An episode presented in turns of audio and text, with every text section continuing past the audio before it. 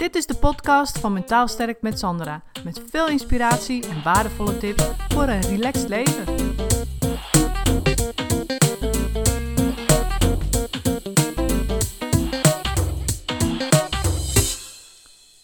Hey, leuk dat je weer luistert. En vandaag ga ik een vraag beantwoorden van een van mijn volgers. En die vraag is: hoe kan ik loskomen van mijn werk als ik naar huis rijd? Ja, je kent het allemaal waarschijnlijk wel. Hè? Als je dan uh, naar huis rijdt, of het op de fiets is of met de auto, dan speelt alles wat op die dag op je werk gebeurd is, allemaal nog door je hoofd. En voor je het weet ben je thuis en heb je helemaal eigenlijk niet meegekregen hoe je van A naar B bent gekomen. En het tweede is, je voelt ook helemaal je nog niet los van je werk. Je, je bent nog steeds met dat werk bezig en ondertussen ben je dus al thuis. Dus neem je eigenlijk een beetje het werk mee naar huis, weet je wel, dat idee. Nou, dat wil je natuurlijk niet. Dus wat gebeurt er op het moment dat je naar huis rijdt? Ja, dan ben je natuurlijk heel erg in gedachten verzonken over wat er op je werk speelde. Maar wat je dan kan doen, is in het nu zijn.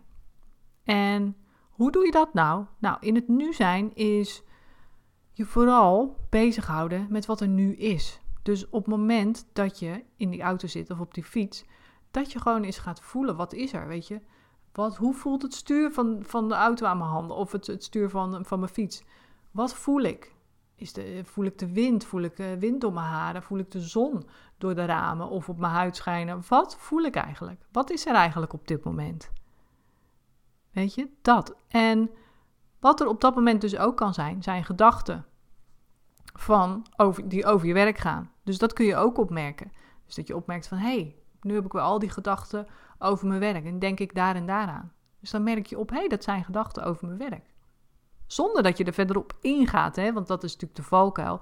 Dat zodra je een gedachte over je werk voorbij ziet komen of hoort komen, dat je dan denkt, oh ja, want wat die en die zei, ja, daar was ik het echt niet mee eens. En jeetje, wat is het toch vervelend. En dan ga je al op de inhoud, ga je als het ware weer een gesprek met jezelf aan over wat er die dag gebeurd is. En op het moment dat je dat dus doet, kun je dat weer opmerken. Je denkt, hé, hey, nu ben ik dus met mezelf weer een gesprek aan het aangaan. Of in gedachten loop ik dat gesprek weer door, wat ik vandaag heb gehad. Nou, ik haal mezelf weer terug naar wat is er nu. Wat voor muziekje hoor ik? Of, wat, uh, of zetten ze muziekje aan en luisteren naar de muziek. Weet je, dat je gewoon veel meer in het nu bent. En dat klinkt heel makkelijk en dat is het niet. Dus het is ook geen wedstrijd of oefening die kan slagen of niet kan slagen. Het is gewoon wat het is. Wat ik zei, op het moment dat je opmerkt dat je weer die gedachte hebt, ga je dat opmerken. Op het moment dat je opmerkt dat je weer een soort van uh, inhoudelijke discussie gaat voeren in je hoofd over het werk, dan merk je dat op. En dan haal je jezelf vervolgens weer terug naar het nu. dus het is geen oefening waarbij je per se in het nu moet zijn, want dat is gegarandeerd gaat dat niet lukken. Het is een oefening in opmerken wat er nu is. Snap je? Dus dat is natuurlijk mindfulness en dat is iets wat je heel mooi kan oefenen juist als je naar huis rijdt.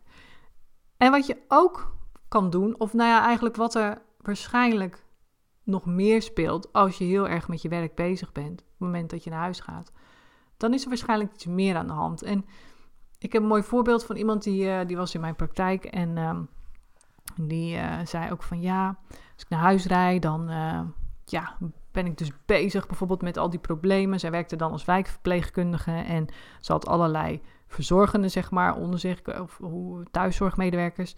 En ja, die konden bepaalde handelingen niet thuis uitvoeren. Ik ga niet eh, roepen wat het was, want dat weet ik niet meer. Dan ga ik waarschijnlijk hele gekke dingen zeggen. Dus, maar er was iets wat die thuiszorgmedewerkers niet konden, ja, waar ze, wat ze niet geleerd hadden om te doen. En um, die wijkverpleegkundige, die vond het wel heel handig als ze dat zouden, zouden kunnen. Want die liep daardoor tegen allerlei problemen aan. De mensen werden tekort gedaan in de zorg en eh, nou, dat was allemaal niet handig. Dus en zij was vooral, als ze naar huis reed, heel erg bezig met het feit van dat het niet werd opgepakt door de, ja, de, weet ik veel, teamcoach of zo, iemand die het was, een leidinggevende. Die deed daar maar niks mee. Die liet iedereen gewoon aanmodderen. En ze had het al heel vaak gezegd en er gebeurde maar niks mee en heel vaak gezegd. En dat frustreerde haar natuurlijk enorm. En toen zijn we ook gaan kijken van, ja, maar wat is nu hier het onderliggende probleem? En het onderliggende probleem, waardoor je dus zo vast blijft zitten met, in je hoofd met dat werk, is dat ze zich richten op de verkeerde dingen. Ze richten zich op hetgeen of die persoon, dus die teamcoach, waar ze geen invloed op had. Je hebt geen invloed op iemand die zijn werk niet goed doet. Of die onwillig is of niet gemotiveerd is. Of, of om wat voor reden je daar niet in steunt. Weet je? Dat, dat, dat heeft geen zin om je daarop te richten. Maar dat deed ze wel. En daardoor voelde ze constant die negativiteit. En omdat ze daar natuurlijk in gedachten mee bezig was. toen zijn we ook gaan kijken, ja, maar wat zijn nou je waarden in dat werk? Wat vind jij belangrijk in dat werk? En waar sta jij voor? En dat zijn we gaan uitzoeken. En een van die waarden die voor haar belangrijk waren, is dus dat ze, ja, dat er natuurlijk goede zorg geleverd werd. Hè, en dat ze daar een bijdrage in had. En ze vond het ook heel erg leuk om mensen iets te leren. En zodoende kwam ze eigenlijk tot een soort van oplossing van, hey, weet je, ik ga datgene wat die uh, thuiszorgmedewerkers nodig hebben, die informatie, die kennis, die vaardigheid, die ga ik ze gewoon leren. Weet je, dat ga ik ze gewoon leren zodat het gewoon gebeurt. En daarmee voldeed ze ineens een heleboel waarden. Dus ze vond het belangrijk om samen te werken. Ze vond het belangrijk om ja, anderen iets te leren vanuit haar kennis en vanuit haar ervaring. En zodat je ook een betere samenwerking hebt. En dat is ze dus gaan doen. En dat zorgde bij haar voor, dus haar focus verlegde ze van uh, mensen, personen, regels waar ze geen invloed op had, naar dingen waar ze wel invloed op had. Namelijk op hoe je samenwerkt en wat zij daaraan kon doen. Wat voor een input zij daarvoor kon geven. Hè, om voor een betere samenwerking en wat haar bijdrage daarin kon zijn. En dat zorgt bij haar heel duidelijk voor een omslag in de, de manier waarop ze naar huis reed. Want dat zei ik ook tegen haar. Op het moment dat je dan naar huis rijdt, bedenk dan van hoe ben ik vandaag met mijn waarden bezig geweest? Wat heb ik vandaag gedaan om met die waarden bezig te zijn? Ja, ik heb tijdens die teamvergadering heb ik dit uitgelegd, ik heb dat uitgelegd. Ik heb begrip getoond voor de, voor de mensen die het niet konden, in plaats van gefrustreerd te zijn over dat het maar niet opgepakt werd van hoge hand. Weet je, allemaal die dingen. En dat voelde natuurlijk heel anders, omdat ze zich daarbij richtte op waar ze wel invloed op had. En losliet waar ze geen invloed op had. Dus dat is ook heel belangrijk. Hè? Op het moment dat je niet kan loskomen van je werk, ben je waarschijnlijk bezig met dingen waar je helemaal geen grip op hebt. En is het daarom zo belangrijk dat je weet wat zijn mijn waarden binnen het werk en hoe kan ik me daarmee bezighouden. En op het moment dat je naar huis rijdt, dat je dan gaat evalueren van, weet je, dat was gewoon leuk. Ik heb daar een fijne bijdrage in geleverd. Ik voel me daar goed over, weet je. En vanuit waarde, hè? dus niet je goed voelen over dat je keihard hebt gewerkt en al het werk voor anderen hebt gedaan en dat je maar ja hebt gezegd tegen alles. Want dat is niet de bedoeling. Het gaat erom dat je dingen hebt gedaan vanuit je waarde. En dat is, dan is het er soms dus ook voor nodig dat je nee gaat zeggen tegen dingen, omdat het niet bij jouw ja, manier van werken of jouw waarde passen. Dus dan kom je in een hele andere soort van focus. Dus dat is ook belangrijk.